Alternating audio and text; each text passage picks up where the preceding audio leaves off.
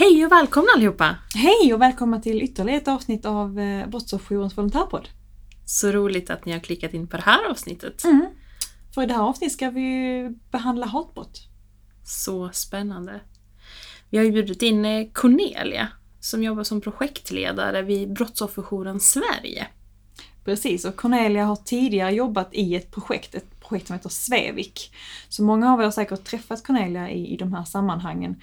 Och det är ett projekt mellan Brottsofferjouren och polisen eh, i syfte att, att öka kunskapen kring hatbrott och, och hur det kan och hur vi kan bemöta.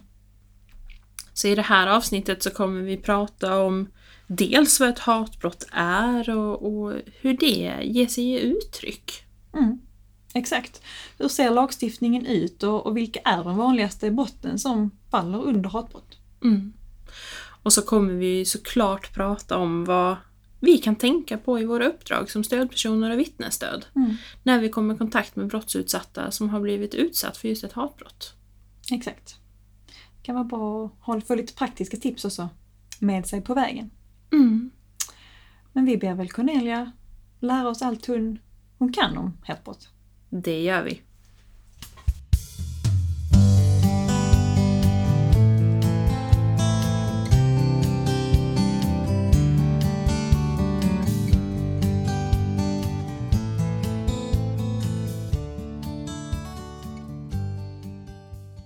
Idag har vi med oss Cornelia som jobbar som projektledare på Brottsofferjouren Sverige. Skulle du vilja berätta lite grann mer om dig själv? Ja, tack så mycket för att jag har fått komma hit till er poddinspelning. Jag heter Cornelia Johansson och jobbar på Brottsofferjouren Sverige på förbundskansliet. Just nu jobbar jag med allt som har med valet att göra, valet 2022. Så jag projektleder alla de insatserna som vi har. Men tidigare så har jag jobbat bland annat med eh, demokratibrott och ett projekt som vi hade om förbättrat stöd till personer som blivit utsatta för demokratibrott. Eh, men också ett eh, projekt som vi hade med polisen som eh, handlade om bättre stöd till hatbrottsutsatta. Så det har jag jobbat med tidigare. Så spännande. Och idag är det ju det här sista du berättade om Svevik som vi kommer att prata mer om, om just hatbrott. För det har ju är ju ganska vanligt i samhället och det, det händer ju att vi kommer i kontakt med brottsutsatta som har blivit utsatt för hatbrott.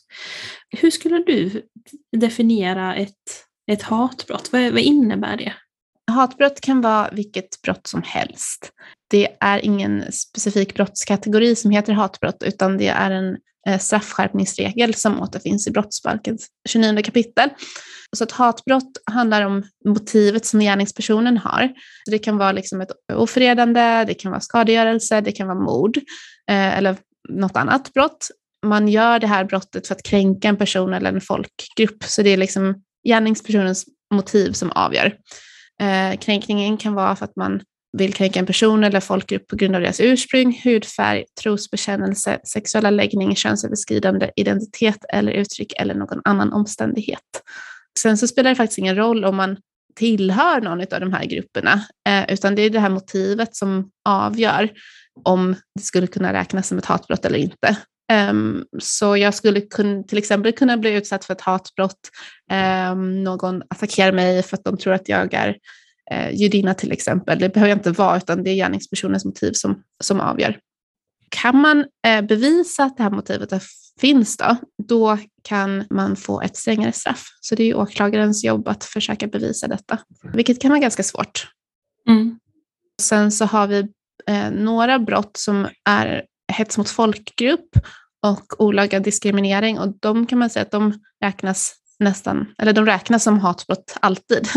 Mm. eller en typ av, typ av brott, eller det finns redan en straffskärpningsregel i den eh, beskrivningen i lagen. Men eh, för de andra brotten så krävs att man kan bevisa det här motivet då, och då blir det en straffskärpning. Och vilket skulle du säga är de vanligaste brotten när det gäller hatbrott? De vanligaste brotten som anmäls är ofredande, um, men också hets mot folkgrupp är de vanligaste brotten. Det är från statistik från 2020 som Brå har tagit fram, som jag hänvisar till nu. Och i många av de här anmälningarna så framgick det att det fanns flera hatbrottsmotiv, alltså att man blivit utsatt kanske både på grund av att man är homosexuell och eh, muslim till exempel. Det kan finnas flera stycken, att man är, har en annan Eh, härkomst och en annan trosbekännelse eller något sånt.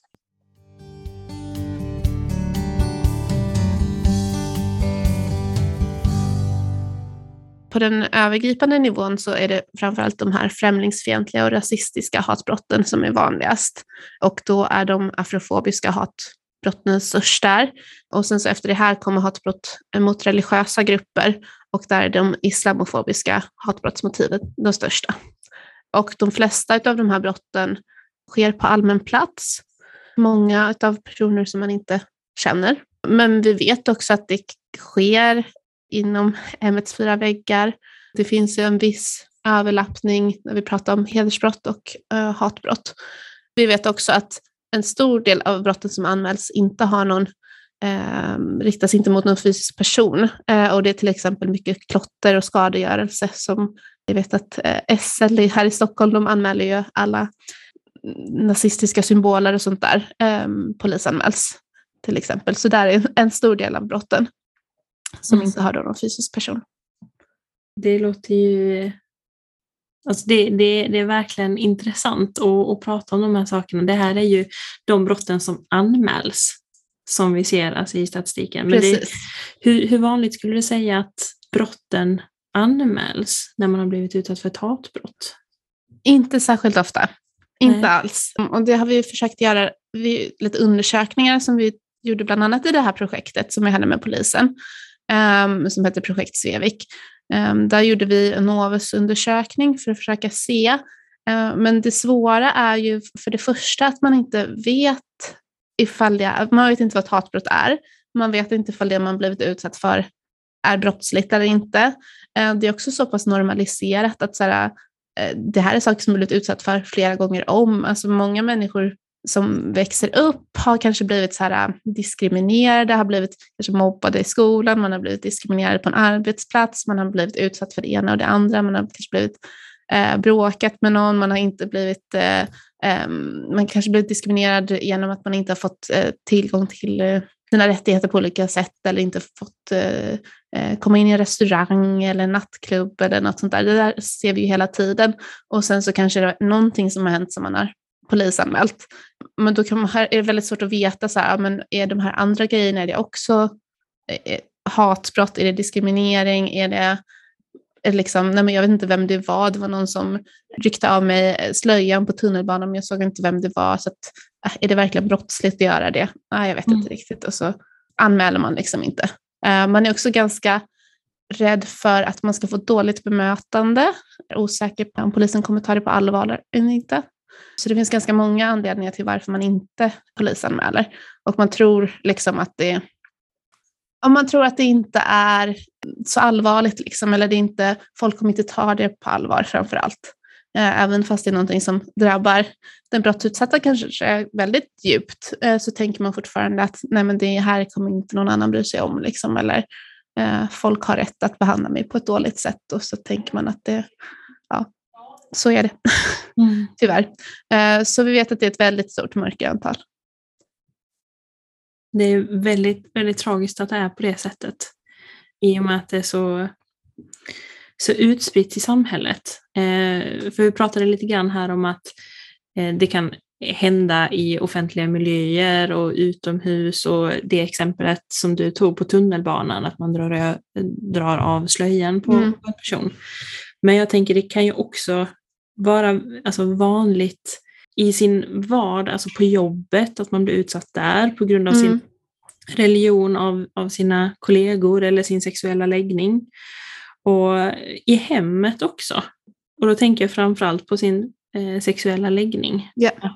Mm, och att det blir så eh, normaliserat där. Och som du säger att jo men kan min familj behandla mig på det här sättet, då är det ju inte konstigt att andra också gör så. Precis. Um, och att man därför inte väljer att anmäla. Och att anmäla någon i sin familj eller släkt kan ju också kännas jobbigt. Mm, ja, självklart. Mm. Men vi, vi vet ju att de här brotten också um, eller så här, diskriminering, pratar om hatbrott, men jag menar så här, diskriminering generellt skapar ju också större klyftor i samhället. Man får den här känslan av utanförskap som är väldigt svår att motverka. Har man väl blivit utsatt för någonting på grund av ens liksom, identitet och ens jag, den man är, liksom, då, vad ska man göra för att stärka det förtroendet igen som man har mot sina medmänniskor? Liksom? Det är jättesvårt. Mm. Eh, och den här känslan av att så, du hör inte till, du ska inte vara här, vi vill inte ha dig. Även om det bara är en person som har uttryckt det en gång så kan ju det finnas kvar väldigt, väldigt länge. Och vi pratar ofta om att så här, personer som blivit utsatta för ett brott med ett hatbrottsmotiv mår sämre än personer som har blivit utsatta för liknande brott men där det här hatbrottsmotivet inte har funnits. Och det är just för att den här kränkningen mot ens egna person är så oerhört stark. Så även när det är liksom ringa brott så är, blir konsekvenserna väldigt stora för den som blivit utsatt. Mm, och det kan man ju verkligen förstå, liksom, att det är obehagligt, särskilt om man om det också är så här, någon som man har blivit utsatt av som är um, men, så här, en främling på stan, så bara, men när, när är man då säker att röra sig ute igen? Mm. Um, så här, tycker, är det fler personer som tänker så här om mig och ser mig på det här sättet eller inte ser mig som en människa till exempel. Det är ju svårt att komma bort från den känslan. Verkligen, det är någonting som sätter sig djupt. Och där tror jag att så här, ett bra bemötande både från eh, polisen men också från brottsofferjouren och från andra organisationer och från samhället är väldigt, väldigt viktigt så att man inte spär på den känslan ytterligare. Och där kan det vara också så himla känsligt, eller man är redan i en utsatt situation, man har kanske lågt förtroende, Eh, man tror inte att någon kommer ta det här på allvar, man har kanske dålig självkänsla kring det här. Och då att till exempel möta polisen och inte få ett bra bemötande därifrån gör ju, det blir liksom, eh, ökar den här utsattheten exponentiellt på något sätt. Det blir liksom um, mycket värre ganska snabbt. Och där tror jag, det var liksom ett av syftet med det här projektet som vi hade var ju att vi vill liksom känna att människor har förtroende för våra organisationer och att de kan lita på att de får det stödet som de har rätt till eh, från oss, både från brottsofferjouren och från polisen. Mm. Ja, men det är jätteviktigt det du säger här, just bemötandet.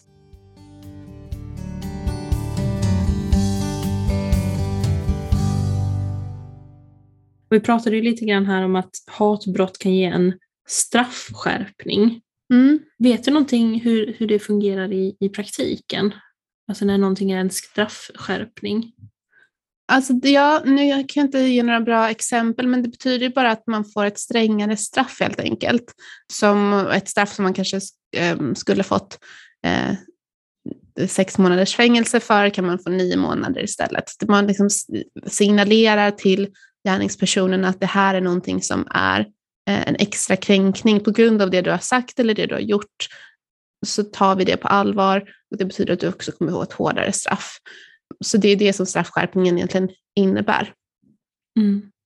Men det är som sagt också kan vara svårt att bevisa, för ofta handlar det om ord till exempel och är det mellan två personer där det inte finns några vittnen um, så kan det vara svårt, svårt att bevisa um, att det har varit den här kränkningen helt enkelt. Det kan jag tänka mig. Att just det här hatbrottsmotivet kan bli lite klurigt att just bevisa. Mm. Mm. mm. Men sen så vill man, eller så här, vill vi såklart ändå uppmana personer att anmäla. Eh, och så det är ju polisens uppdrag eller åklagaren som ska kunna bevisa det. Utan, så det är inte så att man inte ska anmäla för att man inte tror att det går att bevisa sen, utan det, det är ju en annan fråga. Det är ju inte den brottsutsattas ansvar. Liksom. Precis. Om man som brottsutsatt anmäler ett brott och sen i efterhand misstänker att ah, det här är nog på grund av vem jag är. Det här kan vara ett, ett hatbrottsmotiv. Vad, vad kan man göra då?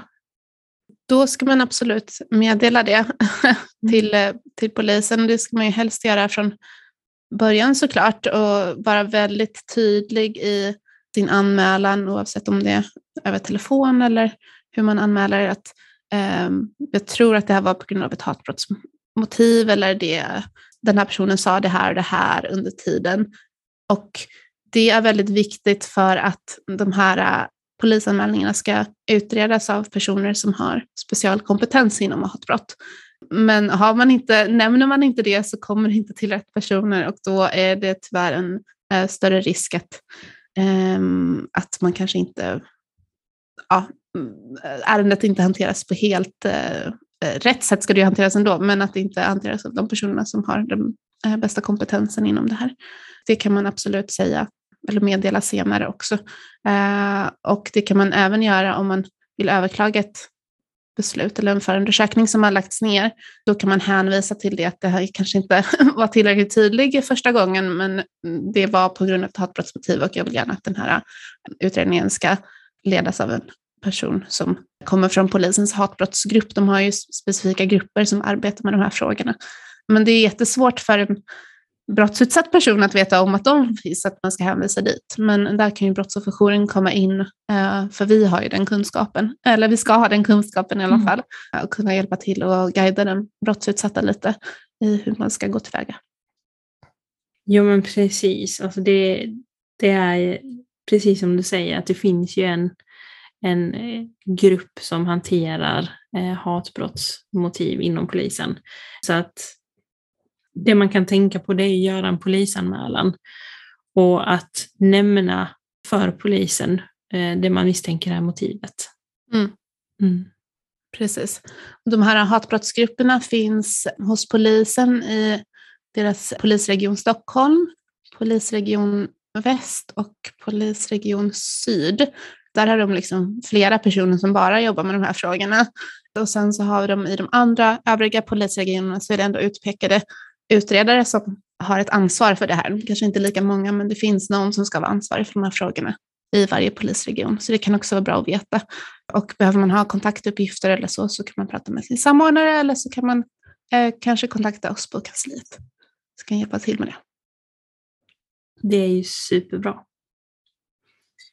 Men vad tänker du att, att vi på brottsofferjouren, i de lokala brottsofferjourerna och, och vittnesstöden och stödpersonerna Eh, kan tänka på i sina uppdrag i relation till, till hatbrottsmotivet?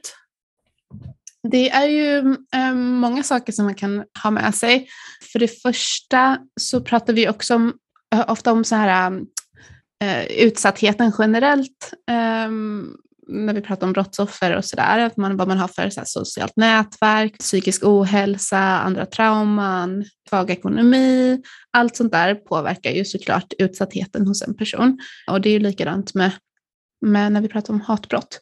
Det som jag sa förut är ju det här med att den upprepade utsattheten, att man kanske har en lång historik, ett helt liv där man blivit utsatt för många saker och sen så kanske det är en sak som man väljer att eh, polisanmäla eller som man söker stöd um, för hos brottsofferjouren. Men så, så, när man börjar prata så kanske det kommer fram men att det här är liksom tionde gången det här har hänt. Det är inte alls första gången. Och då är det ett litet annat perspektiv och det tänker jag också att man ska ta med sig framåt, att det här kanske inte kommer försvinna för den här personen, utan det här är ju någonting som man tyvärr kan behöva leva med. Man kan liksom inte ändra den man är. Och vi kan liksom inte, vi ska ju arbeta brottsförebyggande, men Eh, jag menar, det kan, kan man inte lova att det inte kommer hända igen heller.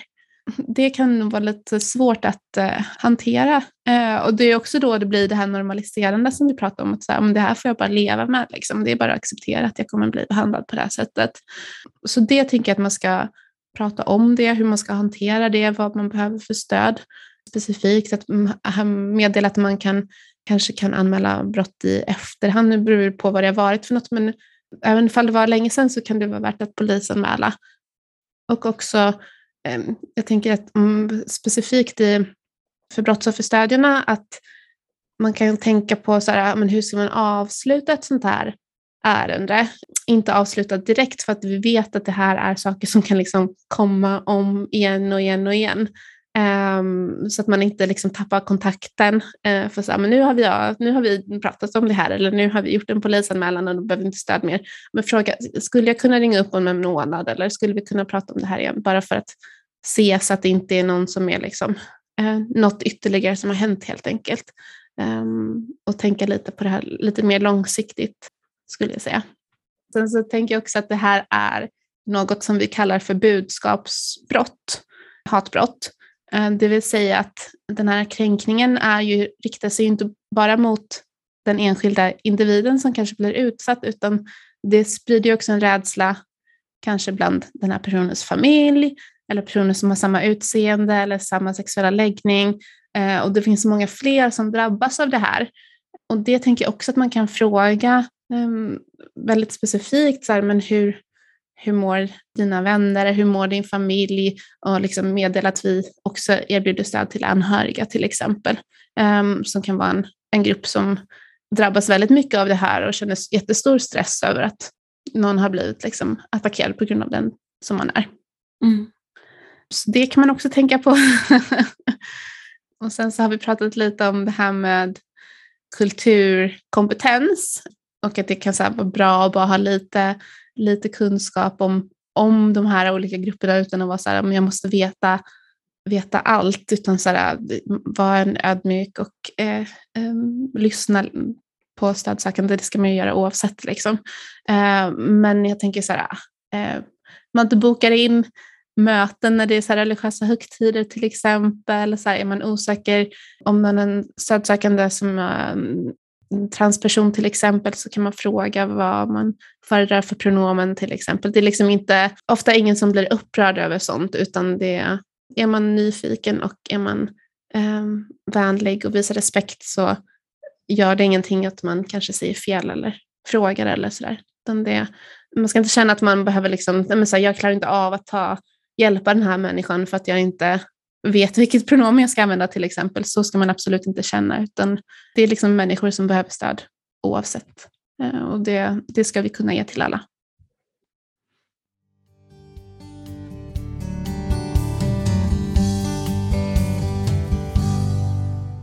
viktiga saker att tänka på.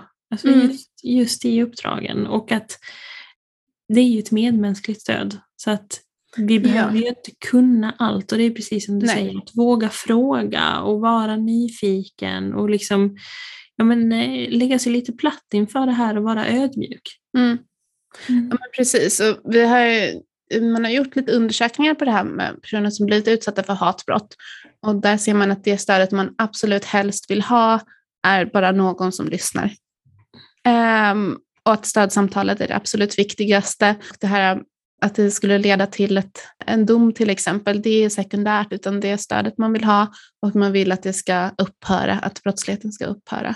Um, och det kan man också, eh, kan ju vara bra att veta att det här, så här, det här är det viktigaste jag kan göra för den här människan.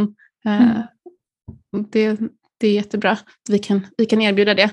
Och även med erbjudandet som vi har tänker jag att det kan vara bra att så här, vi ska alltid vara väldigt tydliga med så här, vad vi kan erbjuda, men kanske vara extra tydliga, lägga fram, liksom ge exempel på vad vi kan göra och vad det skulle innebära. Vad innebär det att vi kan eh, hjälpa till med en polisanmälan till exempel för den här personen och vara väldigt tydlig, men låta stödsökande bestämma för att det ökar också, vi pratar om den här skadade självkänslan som man kan få av hatbrott och det här självbestämmandet som man kanske behöver eh, få tillbaka lite och så här, visa att det är du som, du som bestämmer vad du behöver. Så här, vi kan erbjuda de här grejerna men att det är eh, så här, ja, men så här små saker som man kan göra för att stärka självkänslan hos den stödsökande.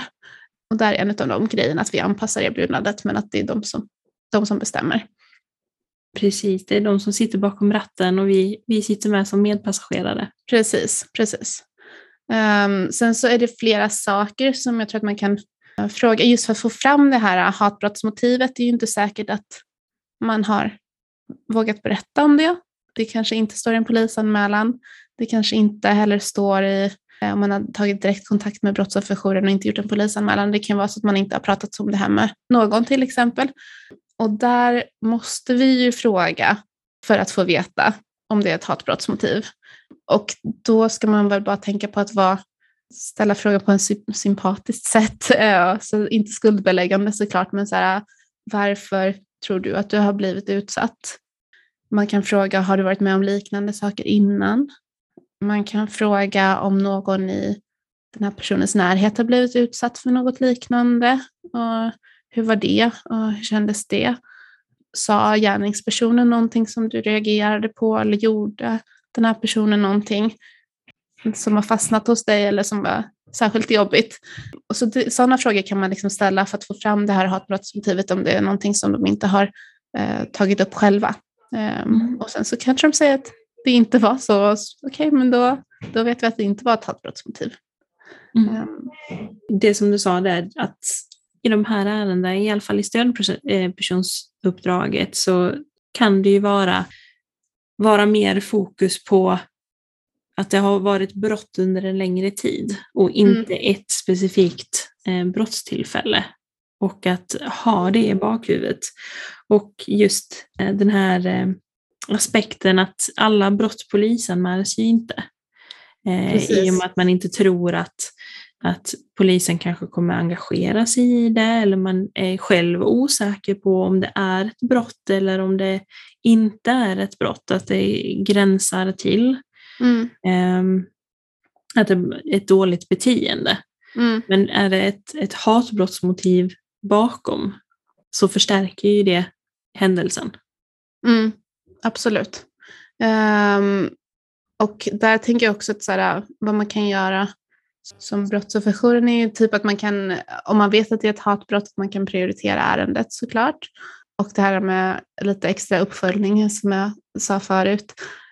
Men också att man kan, om det är så att stödsökande inte vågar göra en polisanmälan till exempel, att man vill inte det, så kan man också uppmana dem att anonymt tipsa polisen om det till exempel är så att det är en, en specifik individ eller gärningsperson som äh, liksom upprepar det här till exempel, äh, eller om det är ett område som är särskilt utsatt eller något sånt där. Så det kan man ju också uppmana stödsökande så att polisen ändå får ta del av informationen om det är så att de inte vill polisanmäla helt enkelt. Ja men verkligen. Och jag tänker just i kontakten med stödsökande i stödpersonsuppdraget så, så, så nämnde du att man kan erbjuda att ringa tillbaka om några veckor, kanske någon mm. månad bara för att återkoppla hur, hur det har sett ut och hur det har gått och hur personen mår efter en, en längre tid. Finns det någonting annat som du tänker kan vara viktigt i, i kontakten med, med brottsutsatta just i stödverksamheten? Det är väl de här frågorna som jag tycker är viktigt att man ställer så att man får fram motivet så att det inte är någonting så att man har ett helt samtal eller flera samtal och man faktiskt inte ens har ställt frågan varför tror du att du blivit utsatt för det här? För att då kommer kanske motivet aldrig fram och då pratar man runt eller pratar om andra saker som kanske inte, man kommer liksom inte åt kärnan i det här eller det som har varit väldigt kränkande. Och då om inte det kommer fram i våra samtal så kommer det kanske heller inte fram i samtal med polisen tänker jag. Så det är ju verkligen en sån sak. Men sen så, nej, alltså in, inte så att man behöver anpassa sig jättemycket tycker inte jag, utan mm, behandla stödsökande som vi behandlar alla stödsökande och med respekt och, och att lyssna på vad, vad som har hänt och, och allt sånt där. Mm. Det, det tycker jag är genomgående.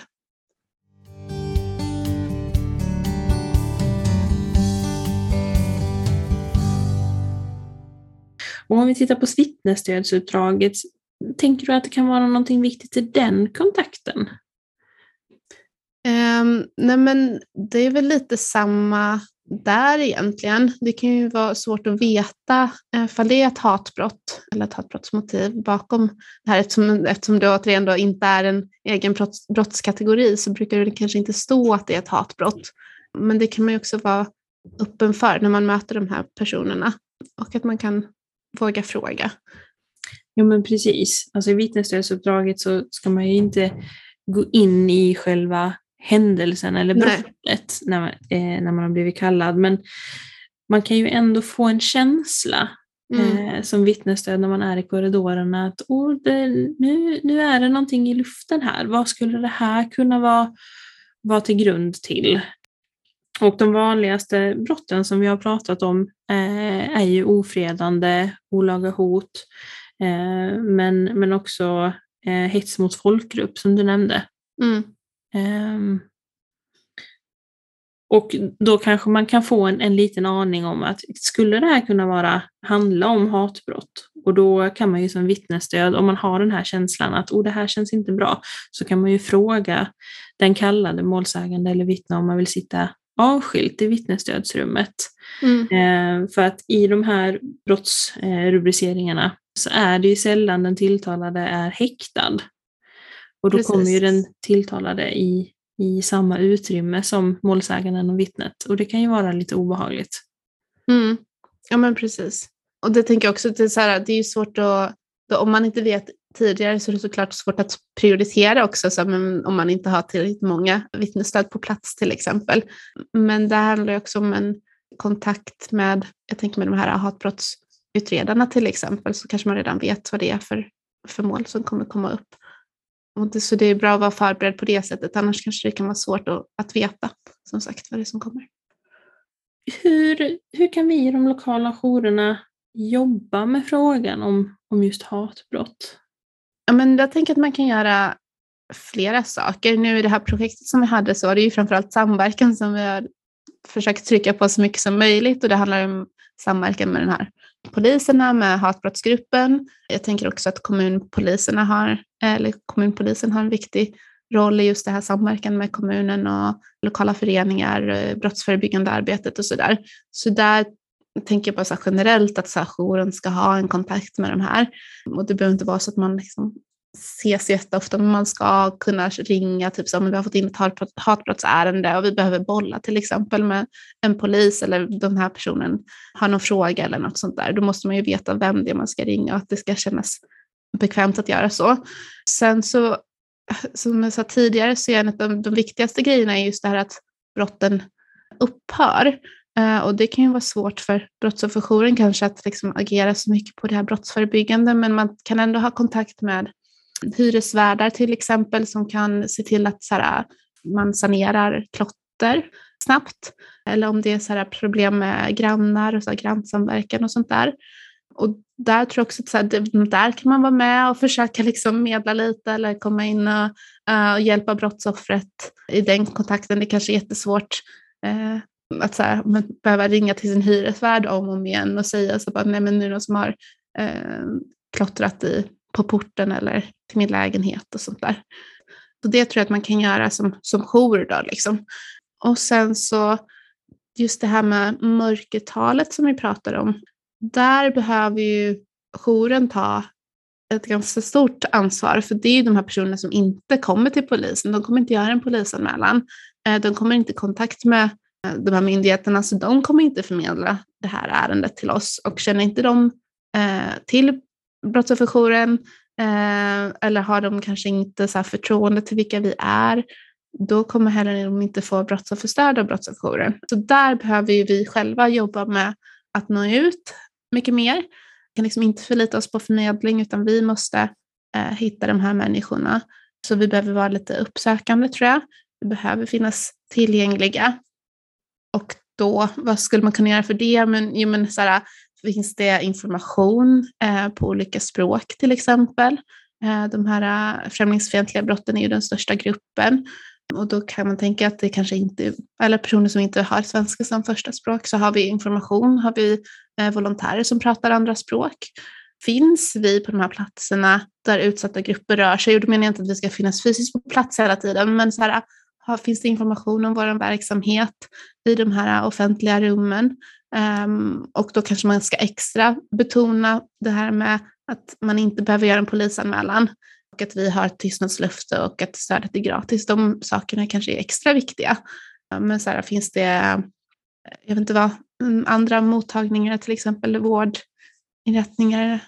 Jag vill slå ett slag för eh, de här eh, kommunala verksamheterna, Eh, medborgarkontor till exempel. Vet de om vad vi gör? För dit kanske personer vänder sig för att de behöver hjälp med någonting som är så här, ja men, med hyresvärden till exempel, att det är klotter och sånt där. Vet de vad vi gör kan vi liksom få kontakt därigenom. Um, det kan vara ett sätt. Men också, tänker jag, så här, riskbedömningar görs ju av polisen. Och de ger också så här, skydd till grupper till exempel, eller så församlingar om de skulle behöva det till exempel. Så gör man ju en bedömning och sen så om det har kommit in hot eller sådär. Men utöver det så tror jag att så här, vi kanske kan vara lite uppsökande om det är så att man märker att, eller har kontakt med polisen och vet att den här äh, moskén till exempel har blivit utsatt för någonting så upprepade tillfällen. Ring ett samtal dit eh, och så bara, men vi, vi har hört det här eller vi har um, läst detta i tidningen till exempel och vi finns här vid brottsofferjouren, vi finns till för alla personer som blir utsatta och behöver ni information, vi skulle kunna komma och hjälpa er ifall ni behöver någonting från oss. Alltså så att, mm, läser man någonting i tidningen, jag tänker speciellt de här eh, församlingarna, så kan man ju ringa och bara visa att vi finns här. Man behöver liksom inte göra en jättestor arbetsinsats av det, utan ändå visa med små medel att, att vi finns för de personerna. Ehm, jag tänker nu för några år sedan så var det de här äh, flyktingförläggningarna som sattes i brand till exempel. Så, så här fruktansvärda mord, eh, mordbränder var det väl. Där kan man också säga, man ringer, man behöver kanske inte ens åka dit, men man kan ringa och säga så här, men vi, vi har läst det här eller vi har hört om det här och vi, vi finns här för alla personer som finns på boendet och eh, kan erbjuda stöd. Det skulle kunna vara en grej till exempel. Så där, där tror jag att vi kan så här, lokalt arbeta mycket för att nå ut till de här grupperna. Verkligen superbra tips. Och jag tänker också som, som stödperson och vittnesstöd att ja, men prata med, med nära och kära och prata om hatbrottsmotiv och liksom mm. sprida kunskap. Mm. Eh, och precis som du säger, man behöver inte ha gjort en polisanmälan. Och om man ser någonting som händer i, i samhället, alltså i kollektivtrafiken till exempel, mm. så känner man att, att nej men här, här skulle jag vilja, vilja säga till, så kan man ju gå fram till den som har blivit utsatt, att det är någon som har skrikit ett skällsord till exempel. Mm. Att om du känner att du vill prata om det här så finns Brottsofferjouren. Ja, det handlar ju om civilkurage och sånt där också. Det är ju superviktigt i de här frågorna. Mm. Eh, och som jag sa tidigare, att det, liksom, det leder ju till den här förstärkta känslan av utanförskap och det är så himla svårt att motverka så att det så små saker gör väldigt stor skillnad. Liksom. Och då blir det också små saker åt andra hållet. Att så här, när, när man märker att så här, här är någon som hjälper mig, här är någon som um, står upp för mig. Mm. Det gör ju ett jättestort avtryck på den personen direkt. Liksom.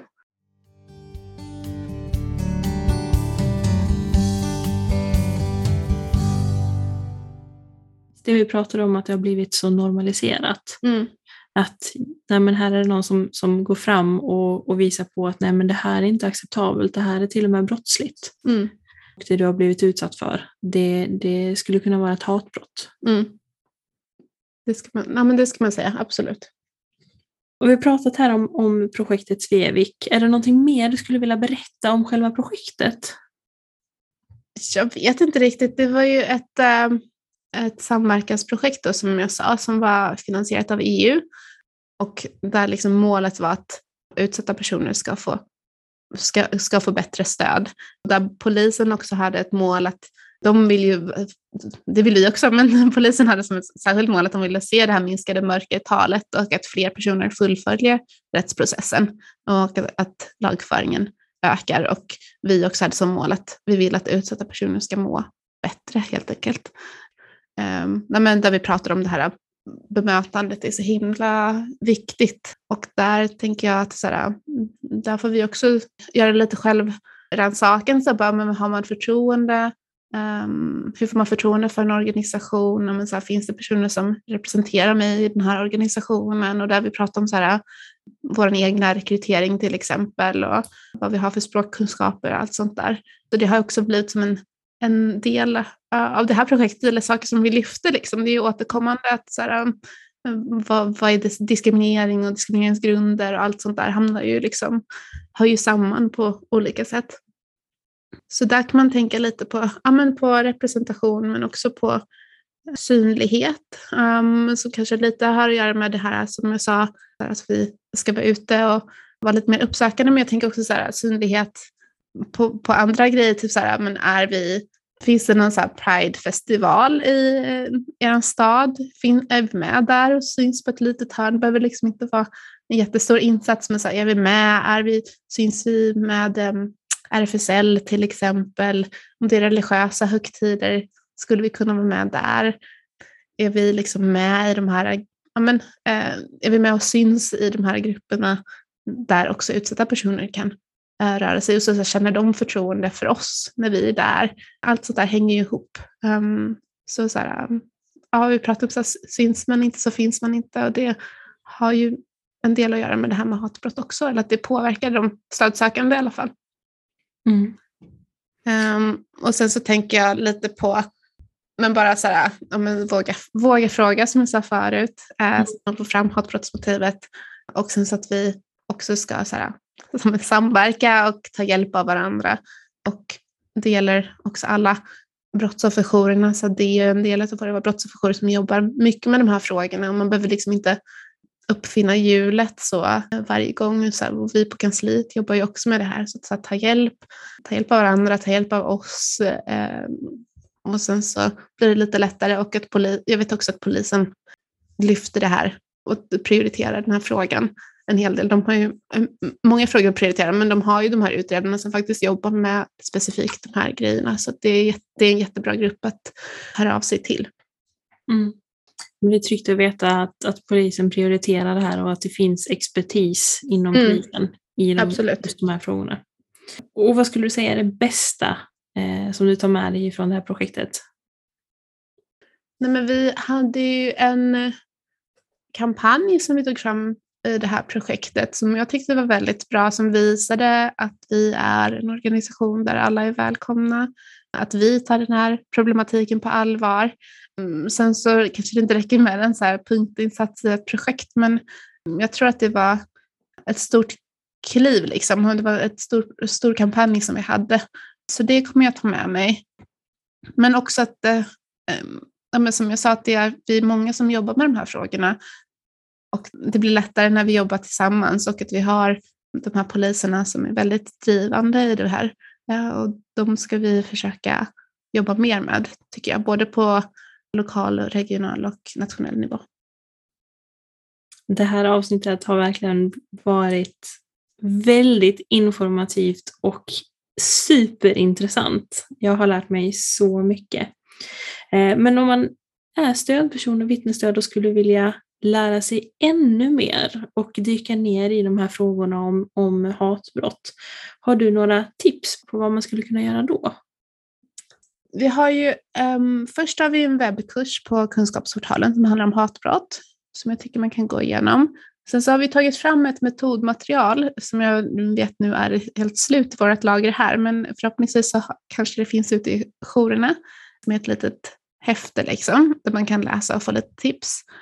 Och sen så, men lite det här med kulturkompetens som jag pratade om, eh, alltså att försöka lära sig lite mer om de här grupperna, om utsattheten.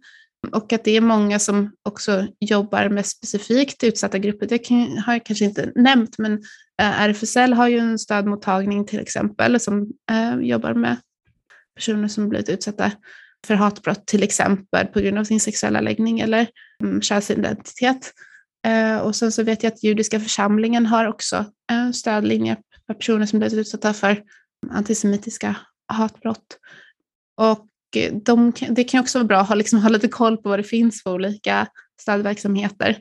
Jag vet att också Stadsmissionen har haft ett projekt med romska personer som blivit utsatta för hatbrott. Så antiziganism som också är ett växande problem.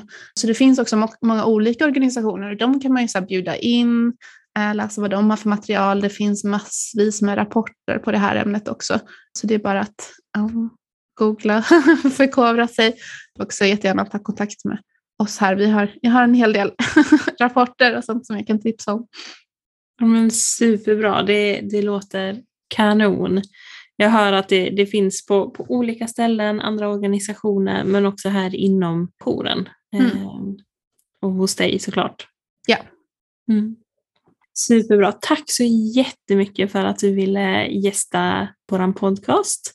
Det har varit så intressant, verkligen. Och jag tror att vi, vi alla runt om i jourerna har lärt oss massor idag. Tack så mycket.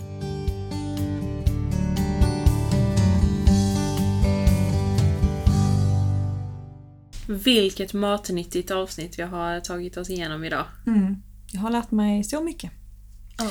Och det är, det är liksom grundläggande att ta med mig liksom vad ett hatbrott faktiskt är. Mm. Och att det är motivet som är det centrala. Mm. Det skiljer sig lite från andra. Och det här är egentligen inget brott i sig eftersom det är liksom en, en straffskärpningsgrundande lag. Mm.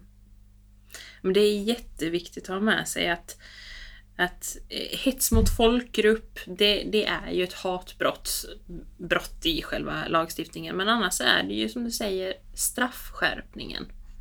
Så att det kan egentligen vara vilket brott som helst. Olaga hot, ofredande, misshandel. Utan det är ju motivet bakom. Och det behöver ju inte vara så att, att eh, den brottsutsatte faktiskt tillhör någon av, av grupperna. Utan det är motivet, gärningspersonens motiv, att gärningspersonen tror att man har en specifik sexuell läggning eller tror att man ehm, har ett specifikt etniskt ursprung eller liknande. Exakt. Och som det ser ut så, så eh, misstänker man ju att mörkertalet är väldigt, väldigt högt. Och att en stor del av anmälningarna inte, inte görs. Mm. Eh, och mycket är ju på, på grund av att de brottsutsatta ofta blir utsatta om och om igen av olika personer i, i både, både den privata sfären av, av familjemedlemmar och släktingar men också av helt okända personer på allmän plats. Precis, och det är ju också så att hatbrott riktar ju sig mot, mot liksom din identitet och den du är. Det är inte så att du kan byta etnicitet. Mm. Utan det, det blir ju det blir ju mot dig personligen Mm. eh, och mot någonting som, som på- påverkar oss djupt. Mm. Det blir liksom den här dubbla utsattheten. Mm. Både brottet som du blir utsatt för, Mm. som ofredandet, men också, precis som du säger Emily, dig som person. Mm. Och, och det sätter sig ofta eh, djupare på något sätt. Exakt. Och det, det som vi kan tänka på i de här kontakterna det är ju att, att de ska få komma till tals. Att de ska få uttrycka sig och att vi lyssnar. Mm. Vi återkommer ofta till det till våra egna volontärer att det finaste de kan ge till de som söker sig till oss är att lyssna och att ge dem tiden att få prata att vi är där. Mm. Lyssna har en större kraft än vad vi själva tror. Att kunna sätta ord på vad det är som har hänt, sina tankar, känslor, reaktioner. Mm. Men det är ju sällan vi får veta från polisen eller från tingsrätten om det aktuella ärendet eller målet på tingsrätten har ett hatbrottsmotiv. Så att därför kan det ofta vara bra att har man misstankar eller man tror att jo, men det här skulle kunna vara ett brott med ett hatbrottsmotiv eh, så kan man ställa, sig, ställa frågor som men har, har du blivit utsatt för något liknande tidigare? Eller är det första gången som du har blivit utsatt för det här? Ehm, eller sa personen, gärningspersonen, något särskilt eh, till dig? Ehm, för att utforska eh, om det skulle kunna vara, vara ett hatbrott eller inte. Precis det, om den utsatte vet motivet till, till hur det kommer sig att man har blivit utsatt. Mm.